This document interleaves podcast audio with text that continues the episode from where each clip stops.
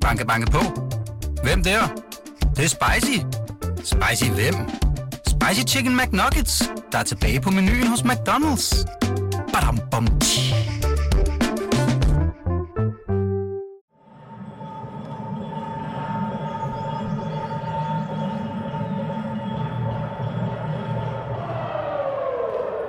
Jeg har skrevet en slags rapport fra et land, hvor alle børn ved, at Rusland er deres bedste ven. Og det har jeg, fordi at jeg er flyttet til Delhi i Indien, og jeg vil undersøge, hvordan man taler om krigen i Ukraine her, og hvordan ja, Indiens forhold til Rusland spiller ind i det. Og der er der kommet denne tekst ud af, som jeg har valgt at kalde Onkel Putin. Mit navn er Sonja Fugle.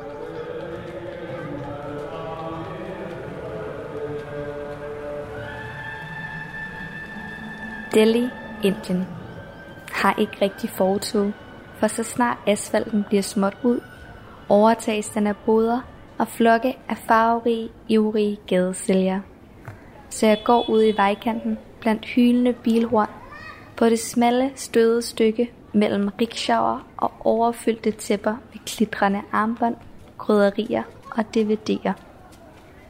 På et fotostykke buner det med aviser og magasiner – India Today, Times of India, Danik Jagran, Hindustan Times, The Hindu, Amar Ujala.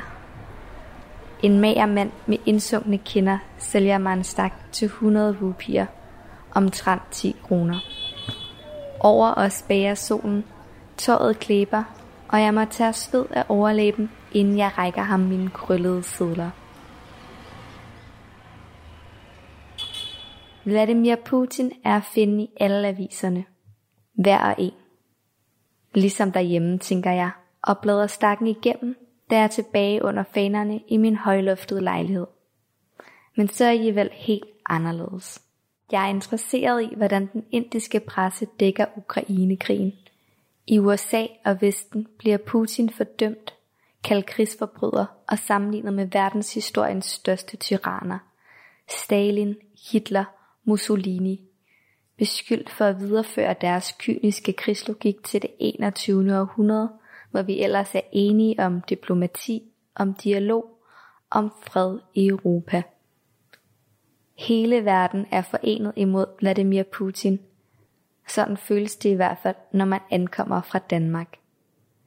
Men hvordan taler Sydasiens stormagt med 1,3 milliarder mennesker om Putins krig? Den russiske antagonist bliver ikke lagt for had. Nej.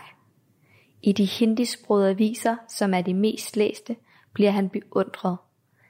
I en artikel i Amar Ujala sammenligner journalisten Jit Kubar præsident Putin med den ukrainske præsident Zelensky. Han skriver, et klogt sind førte præsident Putin til magten, mens Zelensky blev præsident på baggrund af en håndfuld jokes. Min indiske fixer hjælper mig med at oversætte, mens jeg læser. Over vores sms-tråd sender han mig et link til et indslag på nyhedskanalen C News. Det er sendt få dage efter, at Putin invaderede Ukraine. Jeg tager hørebøffer på og ser klippet. En tung og kraftfuld fanfare. Da da da da. Man får fornemmelsen af at købe billetter til en dårligt produceret actionfilm. Putin toner frem. Over ham bølger det indiske flag. Striber i orange, grøn og hvid. Og nu må jeg have mit hindi undskyldt. Men verden siger, Je Putin he gaman kuski mariga. Som løst oversat betyder, det her er Putin, og han er klar til kamp. Herefter citerer verden en Bollywood-dialog, hvor kampgejst roses. Er det seriøst, spørger jeg min fikser, der i øvrigt hedder Ali Moni Snakvi og er vokset op i den nordøstlige delstat Uttar Pradesh. Ja, svarer Ali. CNews er en af de førende kanaler i Indien. Det er en klar hyldst til Putin. Den amerikanske avis Washington Post beskriver, hvordan en stribe indiske nyhedskanaler omtalte Putin som en beslutsom, kompetent, stærk mand den februardag han satte i gang i invasionen af Ukraine. Viften i mit loft kæmper en hård kamp mod de 37 graders varme. Jeg er gået fra køligt forår til tropisk kede. Fra den smalle gade stiger en dunst af forrådelse og en for mig fremmed duft af røgelse. Jeg er landet i en anden virkelighed på flere niveauer.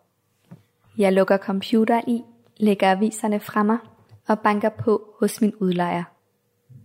Han er indisk, opvokset i Delhi, i den selv samme ejendom, hvor jeg leger øverste etage.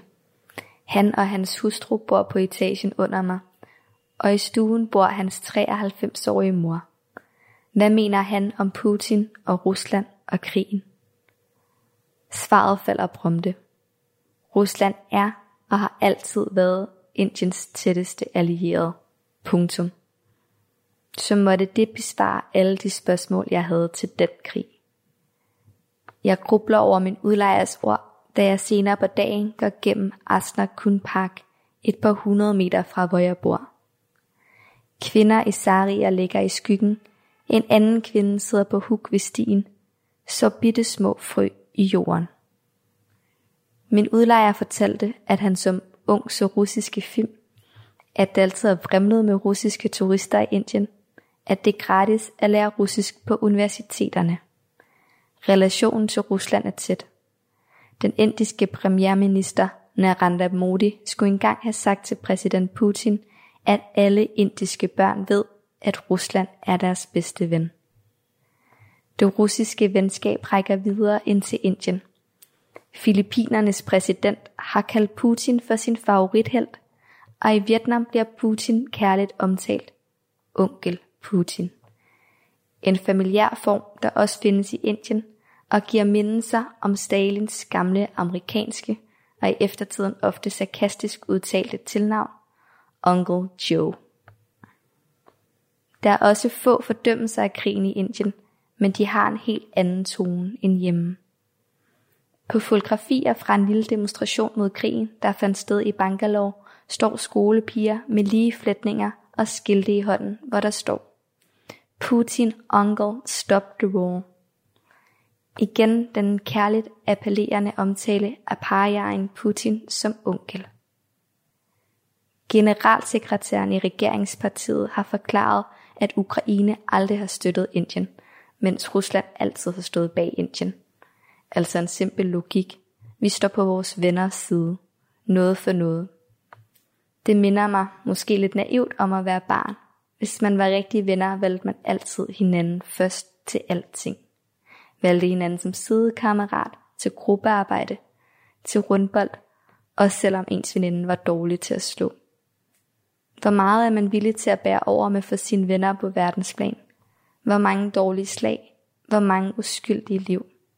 I de indiske medier bliver USA's krigshandlinger gang på gang fremhævet som hykleriske, som udtryk for vestens dobbeltmoral. Tag Irak, Libyen, Afghanistan, skriver de i aviserne.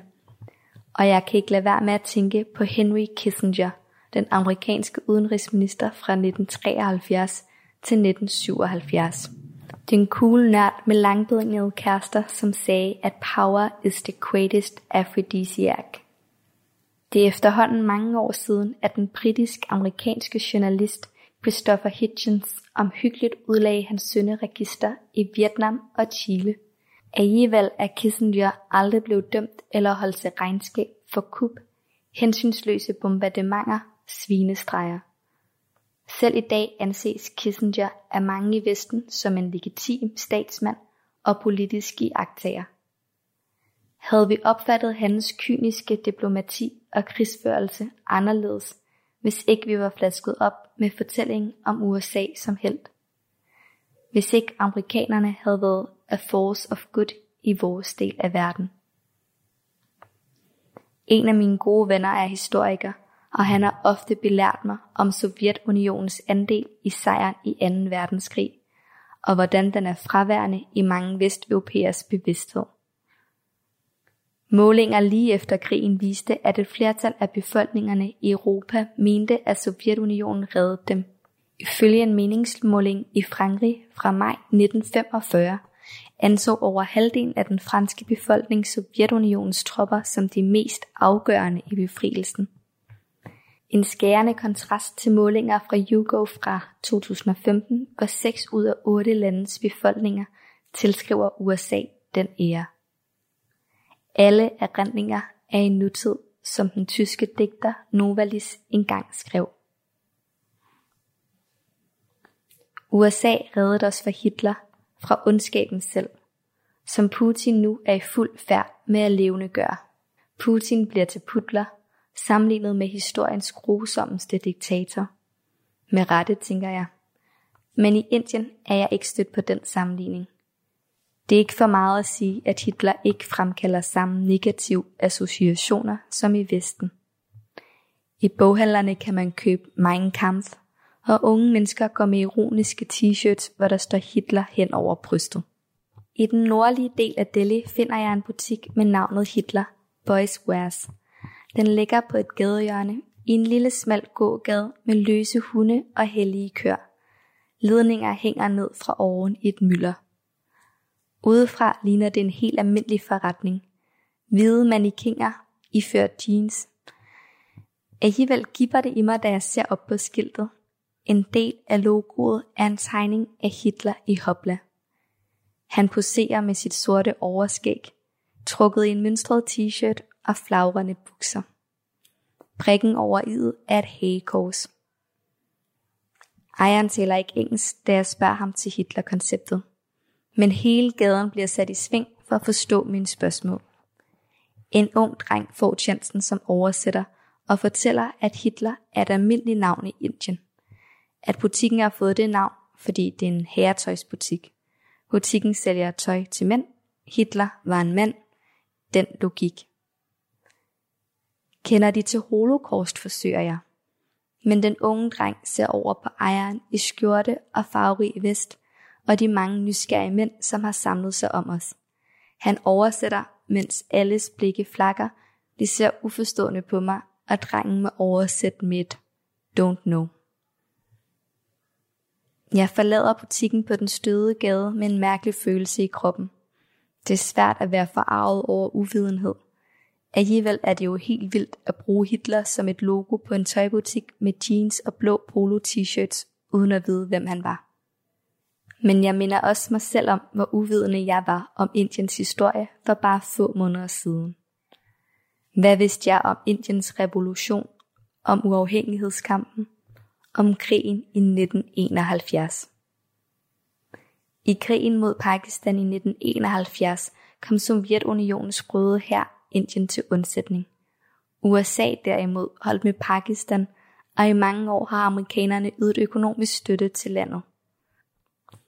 Først da Trump stoppede pengestrømmen til Pakistan, blev luften mildere mellem Indien og USA. Og da Trump besøgte Indien i 2020, var det med Namaste Trump-banner, mens Modi blev modtaget med Howdy Modi i Texas. Biden er knap så populær blandt Modis tilhængere, de hindu-nationalistiske vælgere. Han er for diplomatisk, kan jeg forstå. Samme tur får Gandhi. Ved siden af sit image som grundlægger af det moderne Indien, bliver han af mange indere regnet for en svag leder. Fej og feminin, som Peter Johansen siger i podcasten Styr på historien. Gandhi skriver sig ikke ind i rækken af maskuline ledere. Putin, Trump, Xi Jinping, Modi. Putin har i overvis styrket sit macho-image Tænk bare på de ikoniske billeder af ham med bare overkrop på en hesteryg i Sibirien. I Kina bliver Putin hyldet for sin maskulinitet, som også er en magtdemonstration mod Vesten. Putin afspejler, hvordan Kina og Xi Jinping ønsker at fremstå på verdensscenen, lyder det i forskellige indiske medier. Det samme kan overføres til Indien, hvor Modi har sagt, at han vil gøre Indien så eftertragtet, at alle amerikanere kommer til at stå i kø for at få et visum. En bittersød bemærkning, da han selv tidligere er nægtet adgang til USA. Modi er alle steder her, på billboards, på lygtepæle, i en rundkørsel. Han er kendt for at have en imponerende brystkasse, med en omkreds på 56 tommer. Vi lever i krisernes tidsalder. Pandemien når knap nok at slippe grebet om os, før krigen tager fat. Og i krisetider søger folk mod en enkel og sammenhængende fortælling, mod en samlende og stærk leder. Mens jeg går rundt langt væk fra Europa, langt væk fra krigen i Ukraine, mærker jeg, hvor lille bitte Europa er. Hvor lille vores plet på jorden synes fra menneskehavet i Delhi. I lygtepælen foran min lejlighed hænger Modi os på en plakat og skuer ud over sit enorme land. Hver sjette barn i verden bliver født i Indien. Det 21. århundrede er spået til at blive Asiens århundrede. Ser man mod øst, er det Narendra Modi og Xi Jinping. De maskuline leders tid. Og der kan en despot som Vladimir Putin godt være held. Eller onkel for den sags skyld. Jeg krydser gaden, ikke så langt fra Kalash Colony metrostation. Her ligger en skole, jeg ofte passerer, hvor børn i hvide skoleuniformer flere gange har spurgt, om jeg er fra Amerika. Nu stopper jeg et par drenge i uniform. Kender de Vladimir Putin, spørger jeg. Hvad synes de om ham? He's a strong man, siger den ene og spænder overarmen, mens de andre brister i latter. Det var historien om onkel Putin. Den var skrevet af mig, Sonja Furu, hernede fra Delhi i Indien i 37 grader side. Jeg håber, at de må få en skøn, kølig weekend. Rigtig god weekend. Banke, banke på. Hvem der? Det, det er spicy. Spicy hvem? Spicy Chicken McNuggets, der er tilbage på menuen hos McDonald's. Badum, bom, tji.